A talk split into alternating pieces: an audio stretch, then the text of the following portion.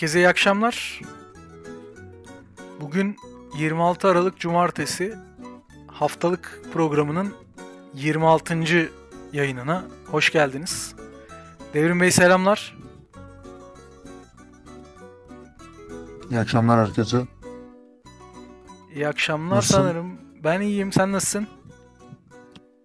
Vallahi iyidir. Cumartesi yayın yapıyoruz. İlk kez mi cumartesi oluyor? İlk Evet, başta günümüz yok. pazardı sanki. Belki Cumartesi yine aktarmış olabiliriz.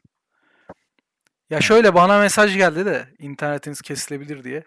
Ee, o yüzden biz de sıkıntı yaşamak istemedik. O yüzden cumartesi alalım dedik. Yoksa 26'sına 26. programı denk getirmek gibi niyetimiz yoktu yani. Devlet Bahçeli olmadığımız için bu tarz hesaplar Evet, yapmıyoruz. Kuş hesaplar çıkabilirdi ama istersen bunu uzatmayalım. Konu Peki. tatsızlaşabilir. Peki bu hafta duyuruda da bahsettik. Avrupa İnsan Hakları Mahkemesi'nin e, Selahattin Demirtaş'ın serbest bırakılmasına yönelik bir kararı vardı. Bunu konuşacağız. Bunun dışında Maraş katliamının yıl dönümünde Cumhuriyet Halk Partisi heyetinin e, Türkeş'in evine yaptığı bir ziyaret vardı. E, biraz bu mesele üzerinden de e, muhalefeti konuşmaya çalışacağız. Ee, Bir diğer gündemimiz ise asgari ücretle ilgili e, gelişmeler. Bunlar da yaşandıkça gündeme getirmeye çalışıyoruz. Farklı taleplerden bahsettik. Bize göre e, bu işin nasıl olması gerektiğinden bahsettik. E, bu hafta da TÜİK'in bir TÜİK'in yaptığı bir hesap internete düştü. Bunun üzerinden biraz daha konuşalım istiyoruz bu meseleyi. Bu arada başlamadan önce bir hatırlatma yapayım. Ee, bize e, Patreon ve Kurios üzerinden destek olabilirsiniz. Ayrıca Twitch üzerinden, Twitch Prime'la ayrıca para vermeden de destek olabilirsiniz. Cereyan Mühendisi 34'ün şu anda yaptığı gibi. Ee, bu abonelikler yalnız şöyle, e, Amazon Prime'la yapılıyor ve bunlar ayda bir kendini iptal ediyor. Ee, aslında Amazon ya da Twitch size para harcatmaya çalışıyor ayrıca. E, bunu böyle tekrar basarak e, devam ettirebilirsiniz eğer e, bize destek olmak istiyorsanız. Zannediyorsam size aylık maliyeti 8 lira gibi bir şey olacak. E, eğer devam etmek isterseniz. Normal abonelik değil de bu Prime üzerinden yapılan aboneliğin. Peki gündem bunlar ama e, aslında yayından birkaç saat önce bir tane video e, düştü. Videoyu görmemi sağlayan arkadaş da şu an yayında, yayını izliyor. E, istersen o video ile başlayalım devrim. Ne dersin? Başlayalım. Başlayalım. Neden sokaktasın kardeş? Ay yerimi böyle. Tamam gezemezsin. E, O yüzden hani bir yer buluyorum gezemezsin sokak.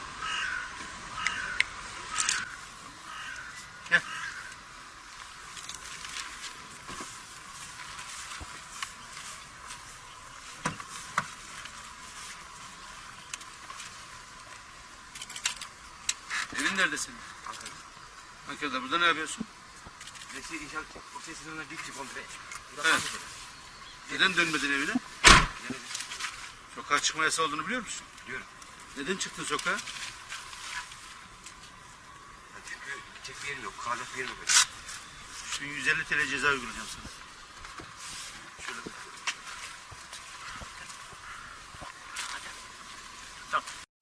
Lucy. Neden sokaktasın? Peki vaziyet şu. Erkin de bir şeyin hem kanuna uygun hem de adaletsiz olması böyle bir şey işte diye paylaşmış. Evsiz bir vatandaş e, evinde olmadığı için ceza yiyor. Ve bu böyle rahat, rahatça, üstten, üstten üstten diye bir laf var. Çok kullanılıyor. E, tam da şeyi bu. E, bu vatandaşın durumunun belki de anlaşılmasıyla beraber çok daha rahat bir şekilde konuşuluyor kendisiyle. Ve bir ceza kesileceğinden bahsediliyor. Devrim Bey siz ne söylemek istersiniz? Yani, yani cidden ilginç bir yani sen yollarında ilginç bir vicdansızlık düzeyi yazmıştım. O geliyor insanın ilk baş aklına. Ee, Bunun dışında e, bir yandan da pandemiye karşı alınan önlemlerin tümüyle bir aslında e, komedi olduğunu da e, ortaya koyan. Yani ciddi bir hani şov amaçlı çeşitli böyle şeyler.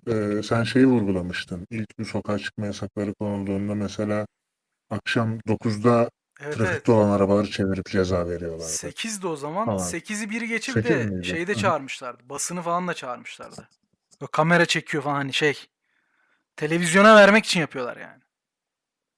Hı. O sırada gerçek insanlar bu durumdan nasıl etkileniyor? Hani nasıl yaşıyorlar?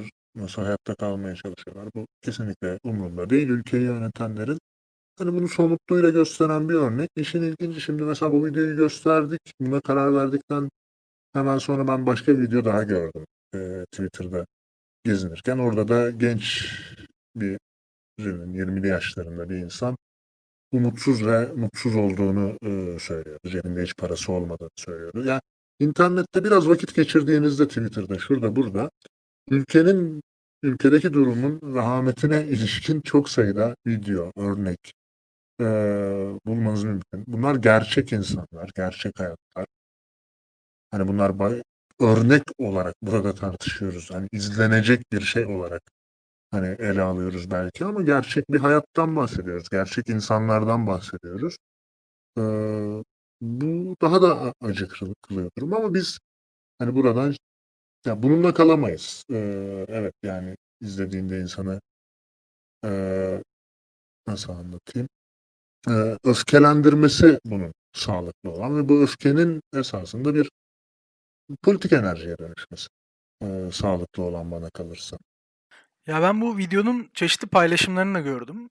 Ee, ve bunlarda genelde polisin tavrına yönelik bir e, tepki ve eleştiri vardı.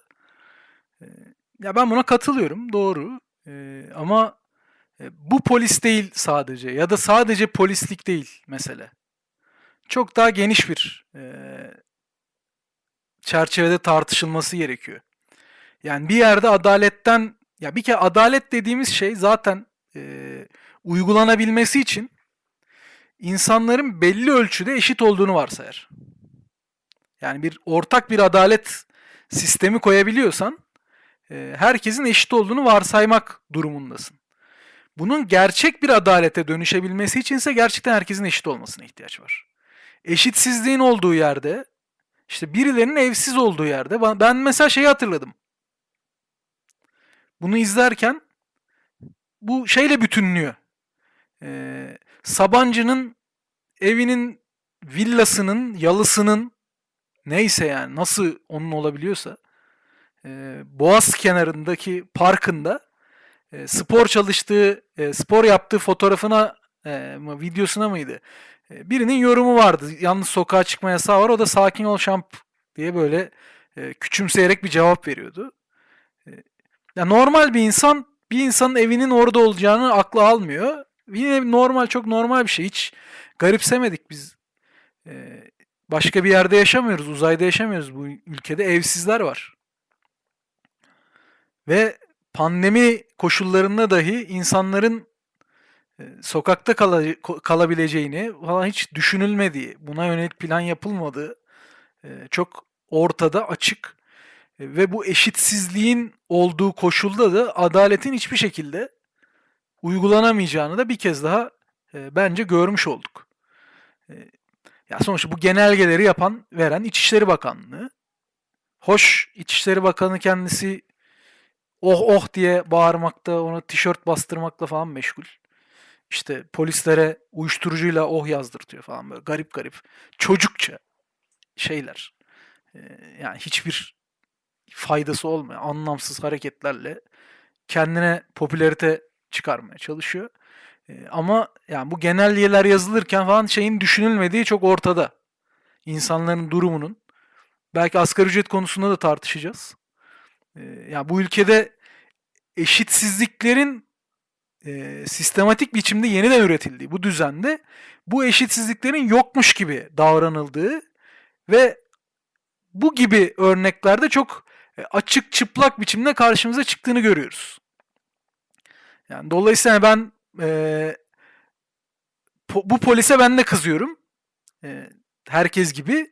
Ama şey bizi hataya götürür. Yalnızca bu polisi çünkü ne olacak bir tane ceza keserler. Bir tane adam yani. Ama mevzu bu değil. Bunun gibi kaç tanesi yaşanıyor kim bilir. Mevzu e, sadece polisin tavrı değil. Mesele bu eşitsizliğin e, temelinde ortaya çıkan şey. Yani cezanın silinmesi falan da değil mesele. Benzer bir örnek işte ayakkabı boyacısı adam ya çok belli tamam haberim yoktu diyor da e, yine bir sokağa çıkma yasağı gününde ya çok belli adam şey ihtiyacı var yani çalışması gerekiyor. E, Çıkmış ceza kesildi bakan televizyon hediye etmişti. Haberi olur diye. Yani şaka mı yapıyorsun? Bu insanlar yoksul, bu insanların gidecek yeri yok. Ve bu durum yine yeniden ortaya çıkarıyor.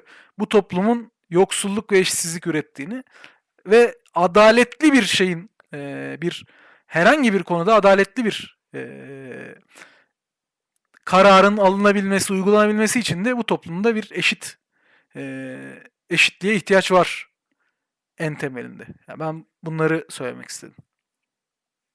Ya bir de şu söylenebilir, ortada bir suç var aslında. Ee, ama evsiz vatandaş tarafından işlenmiyor, ülkeyi yönetenler tarafından işleniyor. En yurttaşların en temel hak olan barınma hakkına erişimini hani sağlamama e, suçu var ve bu ciddi bir suç, ciddi bir sorumluluk. E, mesela e, evsizlik insanlar evsiz kalmayı tercih ettiği için olan bir şey değil. Ya ben dışarıda yaşayayım daha keyifli falan dediği için olan bir şey değil. Bu temel haklarına erişemedikleri için olan bir. Dolayısıyla bu suçu da e, gündeme getirmek gerekiyor. Yani tek başına e, bu cezanın iptal edilmesi, vatandaşa kesilen e, cezanın iptal edilmesi de e, burada bir çözüm e, değil. Onu da vurgulamak lazım. Doğru yani barınma bir insan hakkıdır ve tüm yurttaşların barınma hakkının e, devlet tarafından ya da kamu otoritesi tarafından sağlanması gerekir. Bu mesele bize yeniden bu gerçeği bir kez daha göstermiş oluyor. Peki diğer gündeme geçelim mi? Devrim. Geçelim. Senin ekin yoksa. Ya bir, biri şey yazmış yorumları. Herhalde eşitsizliğin zaten olması lazım 21. yüzyılda gibi. Bir şey mi yazmış? Ben mi yanlış yaptım? Evet evet de yani şey e, Tuhaf diyorum. Neyse bunun üstünde durmaya gerek yok diyelim. Devam edelim diğer gündemle. yani işte insanlar 3000 yıl önce 30 yıl yaşıyordu. Şimdi de 30 yıl mı yaşasın? Yani bu hayat değişiyor. 21. yüzyılın e, yanlışını belki de bu ortadan kaldırmanın vakti gelmiştir. Salı günü e, düşen bir haber. E, Avrupa İnsan Hakları Mahkemesi HDP'nin eski genel başkanı, eş genel başkanı Selahattin Demirtaş'ın e, serbest bırakılması gerektiğine yönelik bir karar aldı. E, yani bu mesele çok tartışılıyordu zaten daha önce de e, işte bir yerden beraat aldı, başka davalar e, üstüne gelmeye başladı. E, bu da böyle bir gelişme. Avrupa İnsan Hakları Mahkemesi böyle bir karar almış oldu. E, bu karara Erdoğan'ın bir e, tepkisi oldu. Bu tepki e, özel olarak kararın siyasi olduğunu e, vurguluyor. E, bu güzel bir eleştiri. Ben katılıyorum. Avrupa İnsan Hakları Mahkemesi'nin kararının siyasi olduğuna tıpkı e, Türkiye'deki mahkemelerin kararının e, siyasi olduğu gibi. Ve e, bu karar üzerinden bir şeyler anlatmış. Ne anlatmış? E, demiş ki biz tanımıyoruz, takmıyoruz demiş. E, onun dışında başka ne söyledi? E, başka işte e, şurada göstereceğim. Savcı gibi suç aktarıp 6-8 Ekim e, olaylarında aynı zamanda hakim olarak yargıyı da vermiş. E, dolayısıyla yani bu kararı uygulamayacağımıza bir şekilde getirmiş. Tabi Erdoğan Ahim'in kararını uygulamayacağız derken e, kendisinin geçmişinde de 3 kere Ahim'e başvurduğunu biz görüyoruz. E, bunlardan bir tanesi e, hapis cezasının hapis cezasıyla ilgili bir tanesi sicil kaydının temizlenmesi bir tanesi de milletvekili seçilebilme için. Sonrasında belki hatırlarsınız e, Deniz Baykal e, sağ olsun milletvekili seçtirtmişti Erdoğan'ı. E, bir şekilde bir e, Siirt seçimleri iptal ettirilip oradan çok demokratik bir biçimde e, milletvekili olması ve başbakan olması sağlanmıştı kendisine. Ondan sonra da geri çekmiş başbakan olduktan sonra. Bugün de yine e, bu birkaç saat önce e, garip bir Tür- Türkiye'deki yerel mahkemeden AYM'in kararını tanımadığını e, söyleyen değil ama işte hangi dilde olduğu belli değil falan diye e, geçiştiren, muhtemelen erteleyen belki arada başka e, siyasi e, talimat bekleyen, bırakalım mı, bırakmayalım mı, bırakmayacaksak e, ne gerekçeli bırakmayalım konusunda siyasi talimat beklediğini tahmin edebileceğimiz, e, bu yönde akıl yürütebileceğimiz bir karar gelmiş oldu. Durum bu. E, bir tutuklu bir siyasetçi var. E, bir dönem iktidarla arası iyiydi. Sonra bozuldu. E, bozulduktan sonra zaten bir şeyler oldu. E, tutuklu bir siyasetçi var. Avrupa İnsan Hakları Mahkemesi'nin bu yönde bir kararı var. E, Türkiye'de de nasıl Anayasa Mahkemesi'ne e, takmayan e, yargı varsa başkasının da e, kabul etmeyen bir yargı var ve bu işte bağımlılık, bağımsızlık vesaire baş- başka başlıklar üzerinden de tartışılabiliyor. Devrim sen ne söylemek istersin bu konuya dair? Yani e, zaten sürecin hukuksal bir yönü olduğunu iddia etmek çok mümkün değil yani bütünüyle. Hem Selahattin Demirtaş'ın e, tutukluluğu hem de bu karar esasında hani farklı siyasi sahiplerle geliştirilmiş hamleler. Ya şimdi ülkenin siyasetinin e, bu kadar e, bu tarz hamlelere bağlı gelişmesinde bir tuhaflık var. Öncesinde e, öncelikle bunu söylemek e, gerekiyor. E, ya, bu problemli bir durum. E, bir ikincisi de e, şey de ciddi bir sorun yaratıyor. Şimdi AKP iktidarı boyunca çok farklı kesimlerden, farklı isimlerin hani e, bir şekilde tutukluluk yaşadığını, e, siyasi davalarla karşı karşıya kaldığını gözledik. Nedir? Bunların örnekleri daha eskisinde Ergenekon, Balyoz e, gibi dava, davalar vardı. Mesela buna bir kesim o, o dönem e, olumlu bakıyordu bu, bu davalara. Sonuna kadar gidilmesi gerektiğini düşünüyordu. Şimdi de daha çok e, HDP'ye hedef alan e, siyasi davaları e, görüyoruz daha, daha fazla. E, buna da başka bir kesim olumlu bakıyor. Belki bir önceki dönemde Ergenekon'da, e, Balyoz'da alınan, e, hedef alınan insanların bir kısmı, hepsi değil, e, olumlu bakabiliyor. E, ve AKP esasında bu şekilde bir, e, iktidarını haddinden çok fazla uzat. Yani muhalefetteki bu dağınıklık ve kafa karışıklığı e, dediğimiz hal AKP'nin iktidarını da uzatmasını sağladı. Bunu da bunu söylemek lazım. Şimdi burada insanlar genellikle eleştirirken e, şunu yapıyorlar. Hani çeşitli farklı siyasi hareketler diyelim, düzen siyasetin içerisindeki aktörler, parlamentodaki aktörler hani kendi sorumluluğundan hiç bahsetmiyor bu tarz süreçlerde. Hani başka e, muhalefetteki aktörlerin sorumluluğundan bahsediyor ama herkesin bu süreci besleyen çeşitli adımlar attığı ve AKP'nin iktidarını bu şekilde uzattığı gerçeğini e, hatırlamamız, hatırlatmamız lazım. Ya çözüm de bu anlamıyla e, ya hukuksal anlamda bir kişinin serbest bırakılması, şu olması, bu olmasından ibaret bir çözüm olamaz. Siyasi anlamda düzlemin değişmesi gerekir. Bu düzlem değişikliği de AKP'nin, Erdoğan'ın merkezinde olduğu siyasi yapının değişmesi. Bunun değişmediği durumda yani hep e, mesela bu dava tehditleri ortada olacak. Biri dışarı ya da bırakıldığında dahi siyasi sahiplerle çeşitli pazarlıkların sonucunda bırakılmış olacak. Bu da anlamlı sonuçlar üretmeye gebe e, bir süreç olmayacak. Dolayısıyla temelde meseleyi bir hmm, dar anlamıyla hani hapiste olup olmama, birilerini hapsedip e, hapsetmemeye e, daralmış bir demokrasi tartışmasından çok ülkedeki siyasi e, sürecin nereye gideceği, siyasi aktörlerin ne olacağı, merkezdeki aktörlerin kimler olacağı, bu toplumun iktisadi siyasi yapısının ne olacağı tartışması üzerinden kurmazsak e, benzer süreçleri görmeye devam edeceğiz bence. Ya ben eee, bu iki şeyden yani bir seninkine şöyle bir başka bir boyuttan da ek yapacağım. Eee, yani bu böyle e, sonuçta Avrupa Birliği'nin bu süreçte yer almanın Türkiye açısından bağımlılık anlamına geldiği hem ekonomik olarak hem siyasal olarak e, hem de hukuki olarak bağımlılık anlamına geldiği açık bana kalırsa.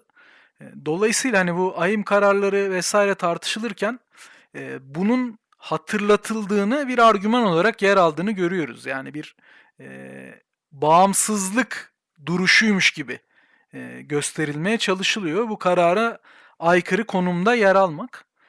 Ya bunun şöyle bir aslında gerçekçi olmayan bir e, yanı olduğunu görmek gerekiyor.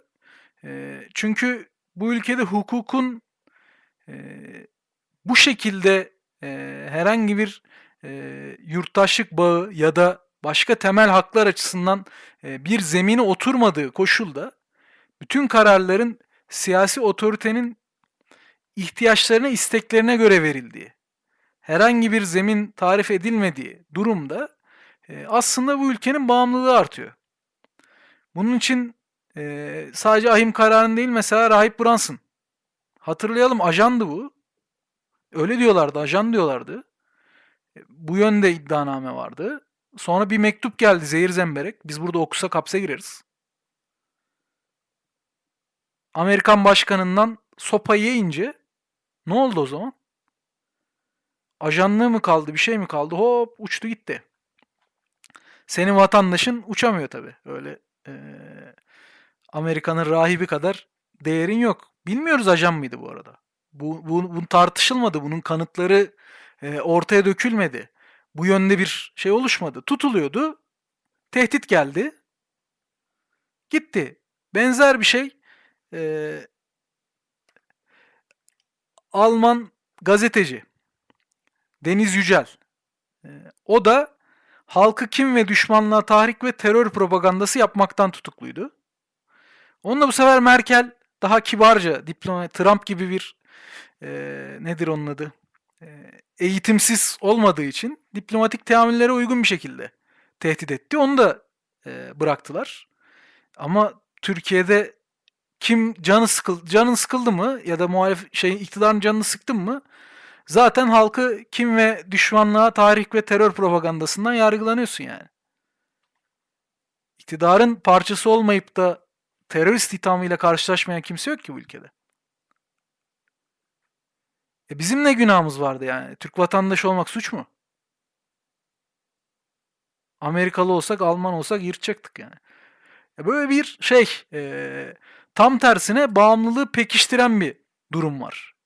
E, yabancı devlet başkanları gelip bu ülkenin kafasına pat pat vurabiliyor. istediğini alabiliyor. E bu ülkenin yurttaşı kendi hukuki yollarıyla hakkını arayamıyor. E, kendisini savunamıyor. E bunun adı da bağımsızlık oluyor. Böyle bağımsızlık olmaz. Kusura bakmayın. Bu tam tersine bağımlılığı pekiştiren bir durum. Özellikle bu anlamda iktidarın e, doğrudan yalancılık yaptığı, e, bağımsızlık argümanının sahtekarca bir argüman olduğunu e, açık ve net ifade etmek gerekir. E, muhalefete ilişkin kısmı sen söyledin. E, ben böyle tekrar hatırlatayım. Ergenekon'u, Balyoz'u, Oda TV'si, Devrimci Karargahı e, bunlara e, şimdi TÜKAK'a ilan edilenlerin bir kısmı destek vermiş, alkışlamış ve bu süreçte hukuku mahvedilmesine katkıda bulunmuşlardı. E, bazılarına sorsan hala aynı görüşteler. E, bunu da ifade etmek istiyorum. Ya özetle şunu söylemek lazım senin söylediklerinden hareketle.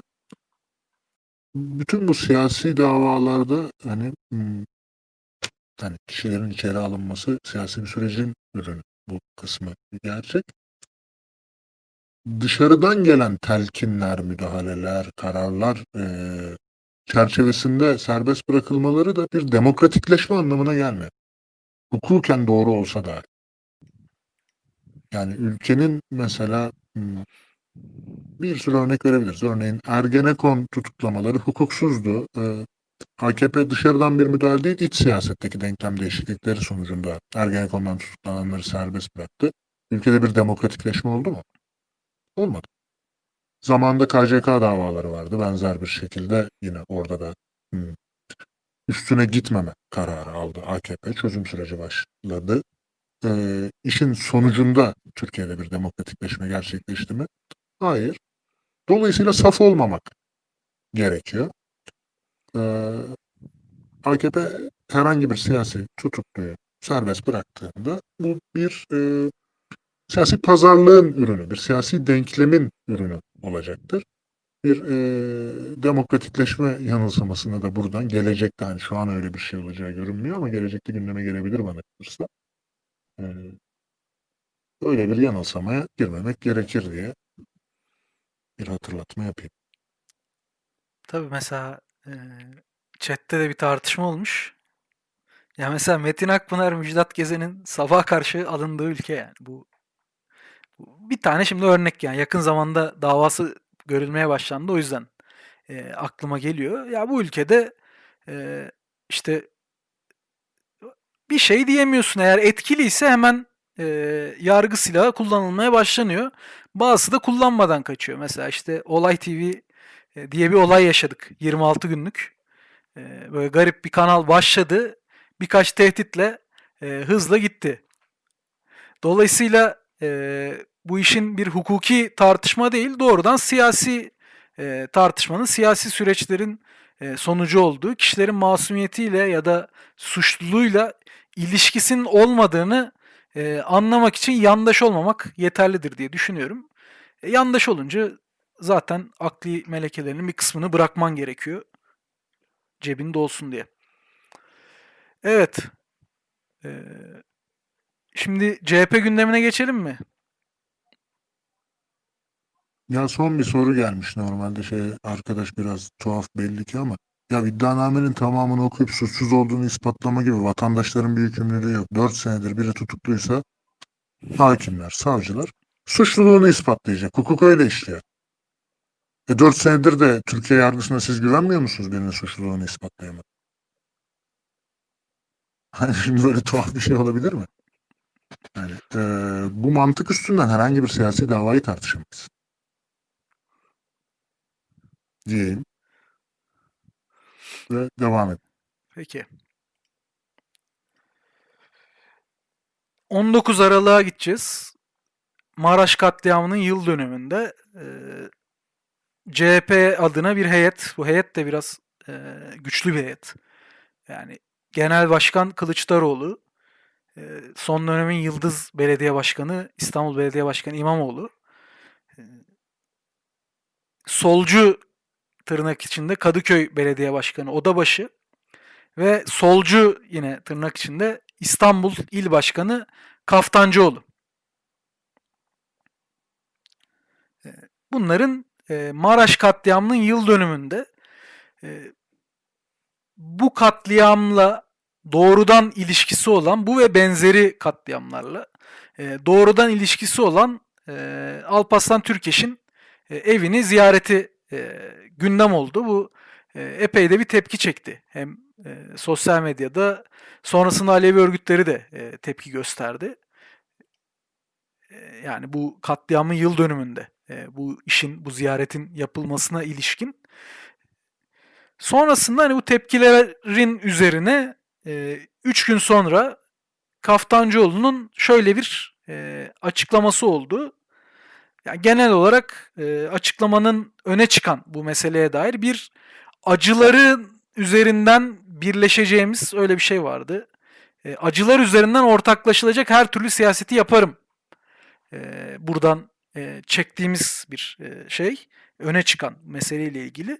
Bir de Alevi vatandaşların hassasiyetini anlıyorum gibi e, ilginç başka bir e, ifade yer aldı bu. E, röportajda ya da Ka- Kaftancıoğlu'nun röportajında bu meseleye dair e, açıklaması e, biraz ona düştü. E, solcu diye biliniyor, öyle e, lanse ediliyor. E, bu meseleye ilişkin söz söylemek e, ona düştü. Sen ne diyorsun devrim? Yani normal bir şey mi? E, bu arada epey bir Ya. CHP'li e, öldürülmüşlüğü de var. Sadece şey değil. E, bu dönemde MHP'liler tarafından. Türkeş'in başında olduğu MHP'liler tarafından. CHP'yi sistematik olarak e, hedef alıyor o zaman MHP. Yani bir yandan bugünkü e, düzen siyaseti içerisindeki aktörlerin konumlanışlarına, politikalarına falan filan bakacak olursak şaşırtıcı bir gelişme yok. Daha ge- e, geçtiğimiz günlerde, geçtiğimiz haftalarda Nihalatsız Parkı açtılar. Hani ondan daha ağır bir olay mı emin değilim. E, ya da e, başka bir dizi e, hamlelerinden e, ağır mı, daha tartışmalı mı e, bundan emin değilim. Ama e, tabii ki sembolik anlamı itibariyle ilgi çekici. Hani e, Maraş katliamının da gününe denk getirilmesi itibariyle ilgi çekici. Bir yandan da solcu olarak sunulan, pazarlanan e, Canan Kaftancıoğlu'nun olaydaki e, varlığı biraz daha belki tartışma konusu hale getiriyor. Hani baştan şunu söyleyelim. Canan Kaftancıoğlu'nun bu olayın öncesinde de ya da CHP'nin solcu olduğunu düşünmek için bir neden bulunmuyor. Bir göstergesi, bir programatik e, önermesi bu insanların hani sol e, ilerici sosyalizan e, politik önermeleri zaten yok. E, dolayısıyla hani e, şaşırtıcı olmayan, e, tutarlı e, belirli bir anlamda CHP'nin yerleşmeye çalıştığı yer bir yanı.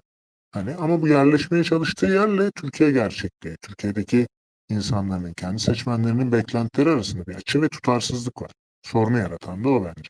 Ya ben biraz e, şeyi de konuşmak sonuçta ya bunlar koca koca insanlar tamam mı? Hepsi biliyor. Yani Maraş katliamını da biliyor. E, buradaki MHP'nin rolünü de biliyor. Başka katliamları da biliyor. E, burada temel bir mesele var.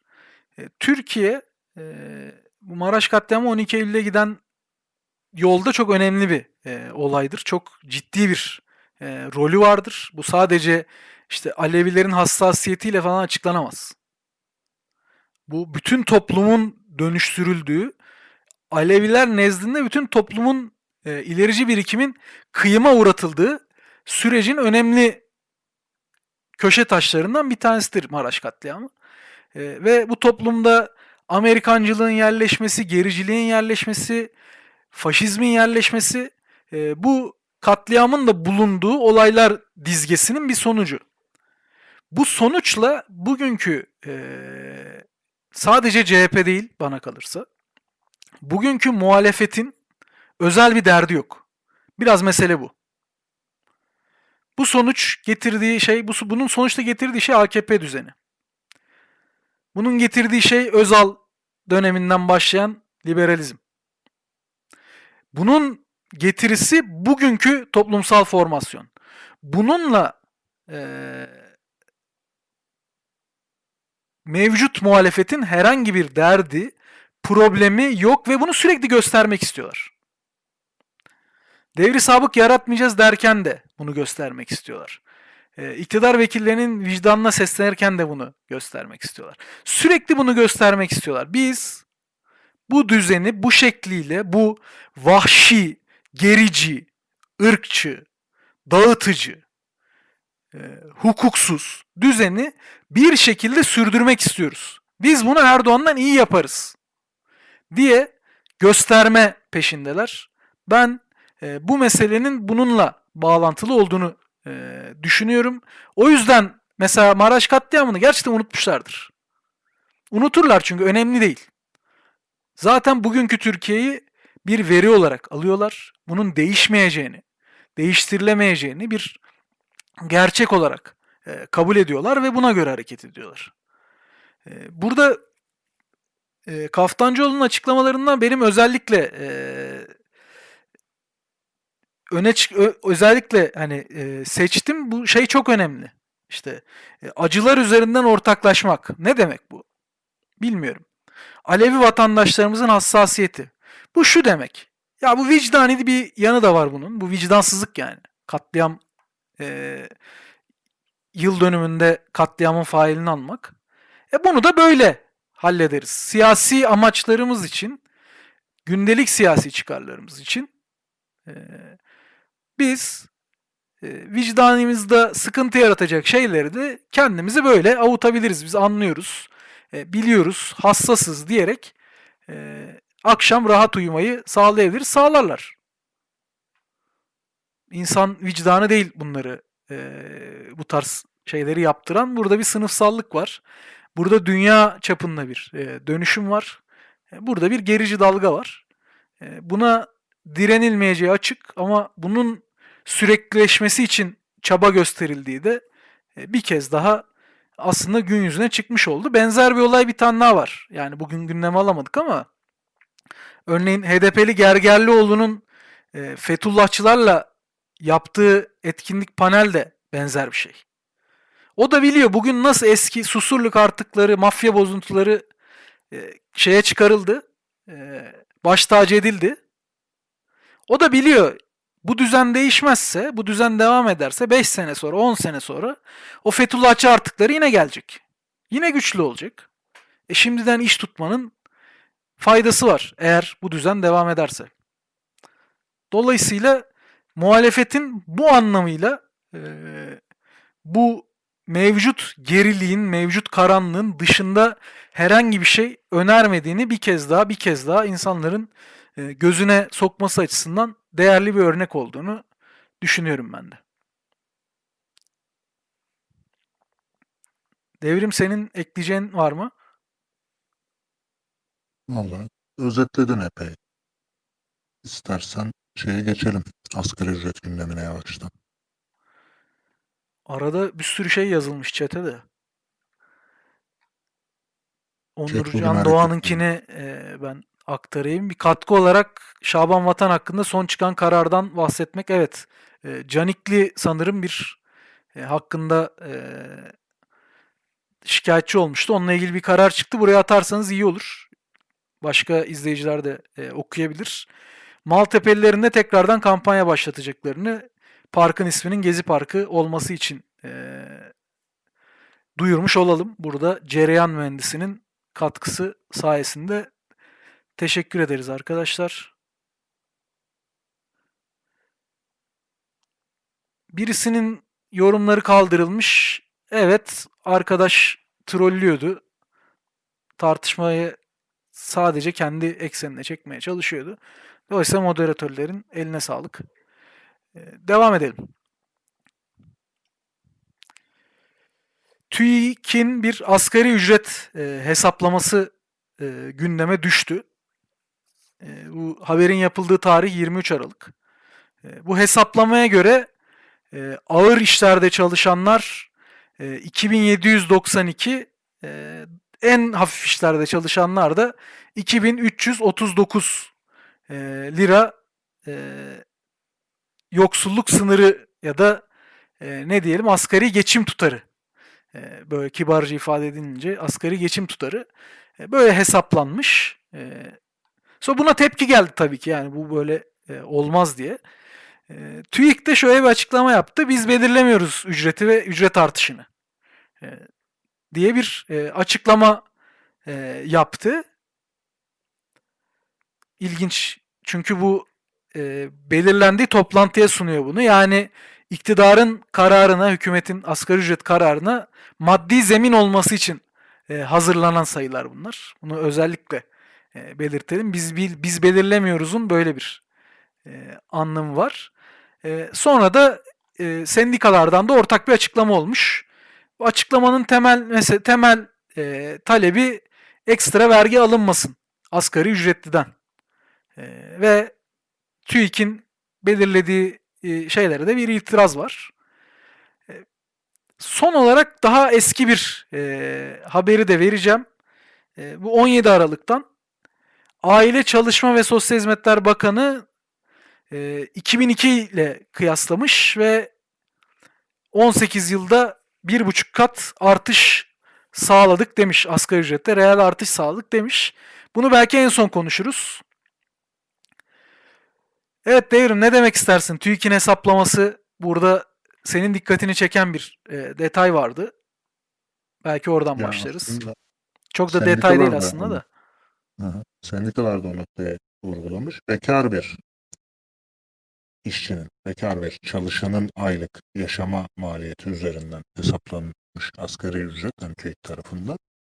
Şimdi burada ilginç olan- sendikalar da aile harcamalarının hesaplanması gerektiğini vurgulamış.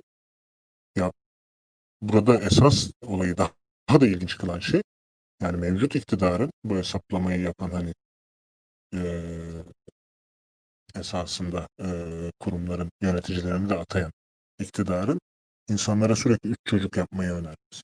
Aile kurumunun önemini sürekli öne çıkartması. Ama bunu yaparken bir yanda iş ekonomiyi planlamaya gelirken herkese tek kişi yaşayacak kadar ücret sunmayı düşünmesi. Bu boyutunun e, cidden tartışılması lazım ki tek kişi için de TÜİK'in hesapladığı miktar büyük ihtimalle tek kişinin açlık sınırı e, asgari ücret hesabında. Bir de açlık sınırı yani. O Evet. şey de değil. Tabii yoksulluk sınırı o çıkmaz canım. Yoksulluk sınırı epey daha yüksek çıkar diye düşünüyorum. Emin değilim şimdi tek kişinin ne sınırı diye nasıl sundular onu bilemiyorum da eee, yani en son şey neydi? Chat'te insanlar bakabilir. Dört kişilik bir ailenin açlık sınırı en son ne olarak hesaplanmıştı? Belki oradan İki önceki çıkar. yayında biz vermiştik zannediyorum. Türk İş'in araştırmasıydı. Ne kadardı? Duyamadım onu. Bir miktar söylemedin herhalde. Yok söylemedim ya. Heh. Tamam. Sen devam et ben bakayım hemen. Yani e, bu boyutu özellikle ilgi çekici. Onun dışında da tek kişiydi zaten. Açlığa mahkum etme üzerine yapılan bir hesap. Hani çocuğun çocuğun varsa zaten artık çok e, ekstrem bir yoksulluk da diyeceğim de açlık sınırı zaten yoksulluğun da altı. Hani e, sürüneceksin. Bu sürünme halinde kabul edeceksin. Bunun dışında Türkiye'de şöyle bir durum var. Asgari ücretle çalışan oranı çok çok yüksek. Çalışanların çok ciddi bir kesimi asgari ücretle çalışıyor. Neredeyse standart haline gelmiş durumda asgari ücret. Ee, ve işsizliğin de çok yüksek olduğunu düşündüğümüzde hani ee, ne oranı diyebiliriz? Hane halkı içerisindeki çalışmayan, çalışanların bakmak zorunda olduğu insanların sayısı oranı ee, gibi bir hesaplama yaptırsa ki TÜİK'in elinde bu hesaplama da vardır. Ee, onun da çok yüksek olduğunu, dolayısıyla tek bir bekar kişi üzerinden asgari ücretin hesaplanamayacağı hesaplanmasının gerçeklikten uzak olacağını buradan da söyleyebiliriz bence. Yani şöyle zaten 8200 liraymış bu arada şey. 4 kişilik ailenin yoksulluk sınırı. E, Yani şimdi bekardan hesaplayınca 2500 diye hesaplıyorlar. Bu arada hesabın doğru olduğunu varsayıyoruz hani. E, TÜİK ve doğru hesap bilmiyorum. E, ama şöyle bir sahtekarlık var. Onu 2 ile çarpınca e, tamam iki kişi yaşayınca beraber giderler biraz düşüyor ama çocuk dediğin çok ciddi masraflı bir e, bir şey yani. Dolayısıyla öyle e, yani kişi başı 4100 olması gerekir eğer e, herkesin e, herkese iki, eve iki, as, iki asgari ücret girdiğini varsayarsak. Yoksulluk sınırının altında kalmaması için. Dolayısıyla hani böyle bir e, hesap oyunları ve bunlar üzerinden yani manavda şey yapıyorlar ya yarım kilo 10 lira diye böyle önünden geçerken aa ucuzmuş diye yaklaşıyorsun ve bu da böyle şey yani bekara e, şey asgari yaşam tutarı falan gibi böyle e, ilginç şeyler çıkartıyorlar. E, ya bunun hesabının ona göre yapılması gerekir. Tamam bekara göre ücret veriyorsan evet herkes çalışsın. Ama burada o zaman şeyi de hesaplaman gerekir. Ee, acaba ne kadar destek verilecek çocuğu olana ekstra gibi e, başka hesapların olması gerekir. Bunların olmadığı yerde hesaplamayı buna göre yapmak gerçekten hani insanları açlığa yokluğa mahkum etmenin istatistiki zeminini hazırlamak gibi bir şey. İstatistiki zemini de ülke gerçeklerinden uzak hazırlamak. Aslında ekonominin yani insanların ihtiyaçlarının çok uzağında bir yerde. Yani patronların, işveren, işveren şey tabiriyle onlara tabiri tercih ediyordu. E, çıkarlarına göre hazırlamaya çalıştığı açıkça görülüyor TÜİK'in. Yani siz belirlemiyorsunuz. Biliyor herkes zaten senin belirleme yetkin olmadığını. Sen onu belirleyecek komisyona. Bilir kişilik yapıyorsun yani. Bunun şeyi bu. Sen oraya diyorsun ki bak bununla yaşarlar. E, Bir sorumluluk taşıyorsun yani. Peki zaten kendileri de utanmışlar bunu dediklerine göre ama Ben zannetmiyorum. Bence şey üstüne sonuçta bu işler böyle biraz da kararı alanlar değil de başkalarına yıkılıp kararı alanlar işe devam ediyor sürekli. Şimdi ekonomi konuşmuyoruz şu anda da. Yani bu faizin düşük olması mı makbuldü, yükseği mi makbuldü yani? Faiz üzerinden adam kovdular. Sonra faiz üzerinden başkasını kovdular tam tersini yaptığı için ve e, şey yani ya bu bu işlerde de böyle bence TÜİK'teki yöneticiler ön alıyor. E, Asgari ücretin düşük olmasından dolayı kendileri hedef gösterilmesin diye.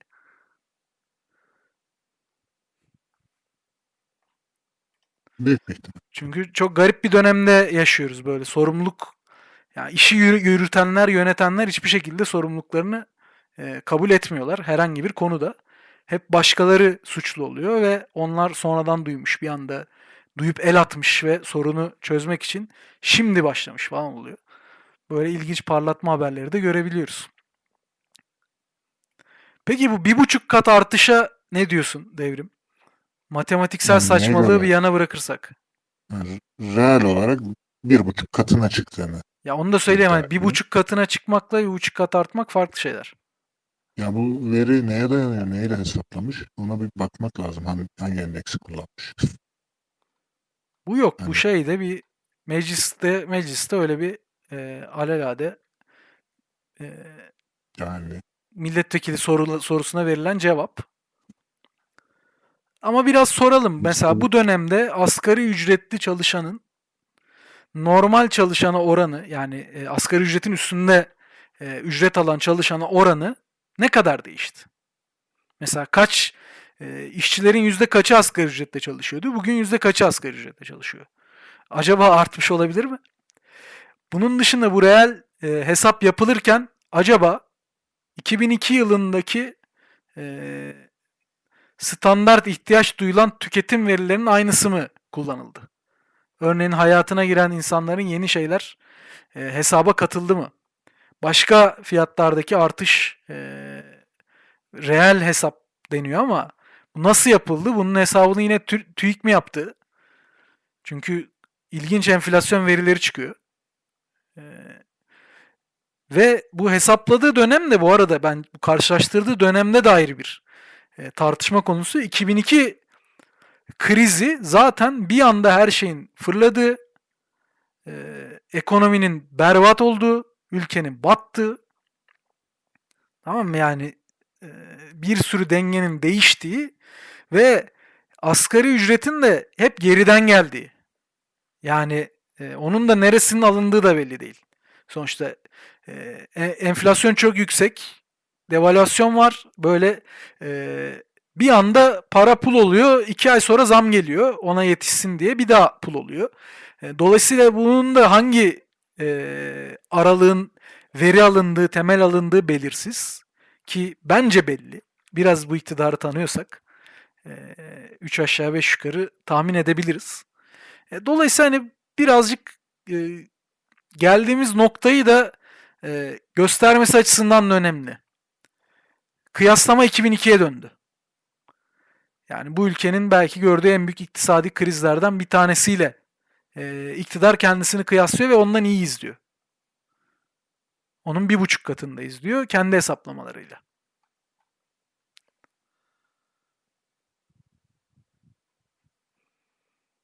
Yani bu kıyaslamanın kendisi de aslında ülkenin durumunun pek de e, parlak olmadığını e, bir kez daha gün yüzüne sermiş oldu diyebilir miyiz? Ya mesela 3 sene önce 5 katındaydık o zaman. Hani e, son 3-4 senede insanlar kendi alım güçlerini, asgari ücretin alım gücünü şunu bunu kıyaslasalar hani daha hatırlayabileceği dönem e, somut olarak hani e, çok ciddi bir azalma olduğunu e, görebilirler, söyleyebilirler. Yani bu hesapların cidden e, neye dayandığı bu iddiaların e, çok belirsiz ve tuhaf. Yani bir sürü e, temel insanların tükettiği maddelerin fiyatlarındaki artışları görüyoruz. Hayatın ne kadar pahalandığını görüyoruz. Bunun dışında e, zaten şey falan tartışmıyoruz herhalde. Artık asgari ücretli biri zaten ev sahibi ev sahibi olamayacak. Hani e, onlar gündemde dahi değil. Hani ki ama o fiyatlara kıyasla ev fiyatı, konut fiyatlarındaki artışa kıyaslayarak mesela bakacak olursak asgari ücrete reel olarak nereye geldi? Hani gıda fiyatlarındaki artışa kıyaslayacak olursak reel olarak nereye geldi? Kiralardaki artışa kıyaslayacak olursak hemen hiç öyle bir oran çıkacağını düşünmüyorum. Erdoğan'ın maaşına da 3 asgari ücret zam yapılmış Ekim ayında bu arada. Ya hem o e, yani şey de e, nedir onun adı? Bu şeyi de konuştuk. Yani bankaların mesela rekor karı var dönemde. Üçüncü çeyrekte büyüme verisi var ülkede. Aslında e, bu TÜİK istatistiği değil bunlar gerçek şeyler. E, Bunlarda da aslında bir paranın döndüğü, e, ekonominin en azından birilerinin cebini doldurduğu gözüküyor. Bundan e, ve bunun nasıl olduğu da aslında bu tartışmada e, açığa çıkıyor. Asgari ücretlinin reel ücreti düşürülerek e, bu iş yapılıyor. E, sömürü oranı arttırılarak Türkiye'de e, ekonomi teknesi yüzdürülüyor diyelim. Ama aynı gemideyiz diyorlardı. Geminin kaptanı 3 asgari ücret maaş almış. Üst kameradakiler karlarını arttırmış. E, bizim de yoksullaştığımız gözüküyor. Ha, hani aynı gemideydik? O zaman ne anlamı kaldı? Herhalde en son Olay TV'yi konuşacağız buradan sonra. Onu akışta ona yer Yani vermedik zannediyorum. Ama e, kısaca bahsederek kapatalım istersen. Yani bahsetmek Ya bir- gerekiyor. Tuhaf bir olay çünkü. Dur ben hızlıca. Cavit Çağlar'ın tweetini arıyorum da. Evet, tweet bu. Ee, Olay TV'ye dair. Gazeteciler kendi işlerini yaparlar. Asla benim müdahalem olamaz. Olay TV'de profesyonel gazetecilere, yöneticilere emanettir. Yayın ilkelerimiz doğrultusunda onların editoryal bağımsızlığının garantisi de benim diyerek başlamış patron Cavit Çağlar. En son yani muhalif yayın yapıyorlardı. Ben birilerini eklemeye çalıştım dengelesin diye. Ee, bu da içeriden sızan bilgiye göre doğrudan e, iktidar tarafından orada yer alması istenen aslında hükümet komiserleri. E, Onları e, koymaya, yerleştirmeye çalıştığı için de kapandı. Biraz belki hani şeyi konuşabiliriz. E, bu hem tabii ki genel e, iktidarın muhalefeti dizayn edeceğiz e, ya da Erdoğan'ın nasıl bir muhalefet istediğine dair e, söyleri ve muhalefetin dizaynı aynı zamanda herhangi bir muhalefete katlanamamasını da konuşabiliriz. E, bunun yanı sıra basınla ilgili kısmı da konuşabiliriz. Yani bu e, süreç yeni değil. Bu Aydın Doğan'ın e, basına girmesi, basın dünyasına adım atması geçmişte e, bu işlerin nasıl bir büyümeyle e, yürüyeceğini, neye gö- yöneleceğini gösterme açısından böyle önemli bir e, adımdı, göstergeydi. Sonra onlar e, kendi açtığı e, kuyuda boğuldu aslında bir süre sonra Aydın Doğan ve e, bugün de bir havuz medyası gerçeği var. E, Cavit Çağlar başka bir şeyle girmiş. Esra'nın paylaşımı var. Ben onu da okuyayım. Ben merkez sağda siyaset yapmış, bu ülkeye hizmet etmiş kişiyim. Olay TV yayın ekibinin yaptığı yayınlar beni rahatsız etti. Kanalın lisansı elimde uygun bir zamanda yeni bir ekiple tekrar başlayabilirim demiş. Ya durum bu bir hem ülke gerçekliğiyle ilişkili bir şey var hem sanırım ölçememe hali var. Ne dersin devrim? Ya iktidarın e, cephesinden bakacak olursak iktidar kendisine uyumlu yayın yapan yerlere dahi hani en azından böyle sert muhalefet yapmayan yerlere dahi tahammül edemiyor. Öyle bir durum var o cephede. Herkesin kendi sözcüsü olmasını istiyor. Şimdi bunu yaptıklarında da etkisiz medya kuruluşları yaratmış oluyorlar. Bunun dışında bir şey yapan herhangi bir medya kuruluşu, Olay TV'deki durum da bu aslında. İşte kendisi de söylüyor eskiden merkez sağda siyaset yapmış. Pek de umut beslenmeyecek, pek de temiz olmayan bir figürün sahibi olduğu bir kanal. İnsanlarda heyecan yaratabiliyor bu durumun sonucu olarak. Ama işte yani böyle şey esnaf gibi garanti belgesi istiyorsun, garanti belgesi yok, bunun garantisi benim diyen esnaf gibi. Hani kanalın garantisi, özgürlüğün garantisi benim diyen Cahit Çağlar'ın pek özgürlük konusunda şey olmadı. Ee, hani dirayetli e, durmadı iktidar Abi. karşısında. Zaten hiç öyle bir niyeti olmadı. Tahtakale'de mesela öyle bir şey alırsan garantisi benim diye 26 gün sonra adam uçmuş olmaz muhtemelen. Ha, değil mi? Gidip bir şey yapabilirsin yine. En azından Evet. kavga etse- edersin. Bir muhatap bulursun yani. Tabii ki o orada çalışan e, basın emekçilerinin durumu a, anlamında e, hani ciddi bir mağduriyete yol açtı bu sürecin. Kesin. E, zaten e, medya alanında e, emekçilere ödenen ücretlerin çok düşük olduğu böyle star isimleri transferi dışında hani normal e, çalışanların e, bizim bildiğimizde e, aldığı ücretlerin düştüğü durumu or- ortada. E, orada da cidden e, bir mağduriyet yaratıldığı kesin e, burada. Bir karşı karşıya e, kaldı insanlar. Belki yani şey insanlar vardı. Güvenerek işini bırakmış oraya giren şu falan filan. Kesinlikle böyle örnekler vardır. Birincisi hem böyle bir durum var hem de daha geniş anlamıyla. Yani ülkede basın özgürlüğünün ya da herhangi bir özgürlüğün böyle merkez sağdaki figürlere güvenilerek pek de kazanılamayacağı. Bunu da gösteren bir örnek bence. Ya hem öyle hem de e, ya bu gerçekten şey e, ya basın yayın alanının e, şey bir ya belki daha uzun belki tartışabiliriz.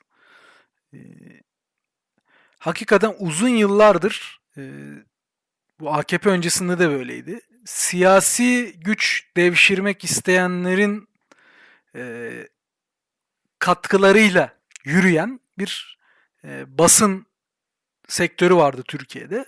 Bu güç tekleşince basın da tekleşti. Aslında bu e, sadece işte basına saygı vardı, işte tarafsızlık vardı artık yok üzerinden açıklanabilecek bir şey değil. E, zaten hani aktörler azaldı ve e, dolayısıyla Türkiye siyasetinin sertleşmesiyle beraber de bu işte böyle bu buraya geldi. Bunu özellikle vurgulamak gerekiyor ve e, bunun kendi içinden başka bir direniş, başka bir mücadele, başka bir kulvar, siyasi kulvar, bir kuvvet ortaya çıkmadığı sürece tekil tekil basın emekçilerinin yaptığı değerli çabalar ya da basın emek örgütlerinin bir şeyleri dışında sadece işte Cavit Çağlar gibi güvenilmez oldu. Zaten tahmin edilen figürlerin dışında da böyle birilerinin gelip ortamı kurtarabileceği bir e, ihtimalin olmadığını da e, tekrar görmüş olduk bana kalırsa. Ya bir diğer mesele de şunu söyleyeceğim. Muhalefetten bahsettik. Açıkçası ya bana göre Erdoğan zaten varlığıyla AKP'nin 18 yıllık iktidarıyla muhalefeti belli ölçüde dizayn etmiş. Zaten kendi kodlarıyla yani AKP'nin Türkiye siyasetine kazıdığı e, kodlarla, kalıcılaştırdığı başlıklarla bu minvalde siyaset yapmaya çalışan bir muhalefet var. Bununla bir problemi de yok. Ama Erdoğan'ın istediği şey bambaşka bir şey. E, yani onun muhalefet tanımı muhalefet değil. Dolayısıyla çok e, gerçekçi de değil. O yine hala şöyle bir muhalefet kazandıracağız gibi şeyler söylüyor. Bunu e, 10 sene önce de söylüyordu. 10 senede gerçekten yol aldı. E, başka bir muhalefet kazandırdı gerçekten. Tıp kendisi gibi bir şey ortaya çıktı. Ama kendisi gibi olması ona biat etmesi anlamına gelmiyor. Çünkü onların da başka çıkarları var. E, farklı çıkar grupları bölüşülecek pasta daraldığı zaman bir arada durmakta zorlanıyor tabii. E, dolayısıyla hani bu dönüşümün de e, çok olamayacağını, Erdoğan'ın istediği tarzda muhalefetin ne olduğunu e, bu Olay TV olayından da sanki anlayabiliyoruz. Çünkü bu e, muhalefet söylediği şey en ufak bir çatlak ses çıkmasın, kimse itiraz etmesin. E, burada gözüken şey de e, bu örnekte gördüğümüzde bu. O zaman yavaş yavaş kapatıyor muyuz? Evet kapatalım o zaman. Ee, teşekkür ediyoruz arkadaşlar. Bu hafta yine günde bir değişiklik olabilir. Çünkü tam net kararlaştırmadık. Bir gün önce de yapabiliriz yayını. Çünkü 31 Aralık yılbaşına denk geliyor. Belki korsan yılbaşı kutlamak isteyenler olabilir kendisi. Kendi evinde, kendi ailesiyle yasak biliyorsunuz yılbaşı kutlamak. O yüzden hani biz muhtemelen o gün e, yayın yapmamız zor. E, o yüzden bir gün önce yapabiliriz. Bunu karar verince duyuracağız. Ama bir sonraki programda görüşmek üzere diyelim. Yine Devrim Hareketi'nin kısa tanıtım filmiyle yayınımızı sonlandıralım. Devrim var mı Bekin? Herkese iyi akşamlar diliyorum. Devrim hareketi deyince bir an bana sesleniyorsun sonunda başında ama burasıymış. Bu arada e, yayın sırasında abone olanların ismini okuyamadım. Kusura bakmayın. Biraz karıştırdım. E, yayına yetişirken onlar ayrı bir yerde açılıyordu normalde. O hazır olmadığı için. E, abone olanlara tekrar teşekkür ediyorum. Dediğim gibi daha önce Prime'la abone olduysanız bir ay bitince bu otomatikman iptal oluyor. Bize olan aboneliğiniz. E, onu yenilemek isterseniz e, yine Prime kullanarak e, her ay yenileyebilirsiniz. Bize de buradan bir e, gelir anlamına gelecek bu. Çok teşekkür ederiz. E, Katıldığınız, katkı koyduğunuz için. Görüşmek üzere.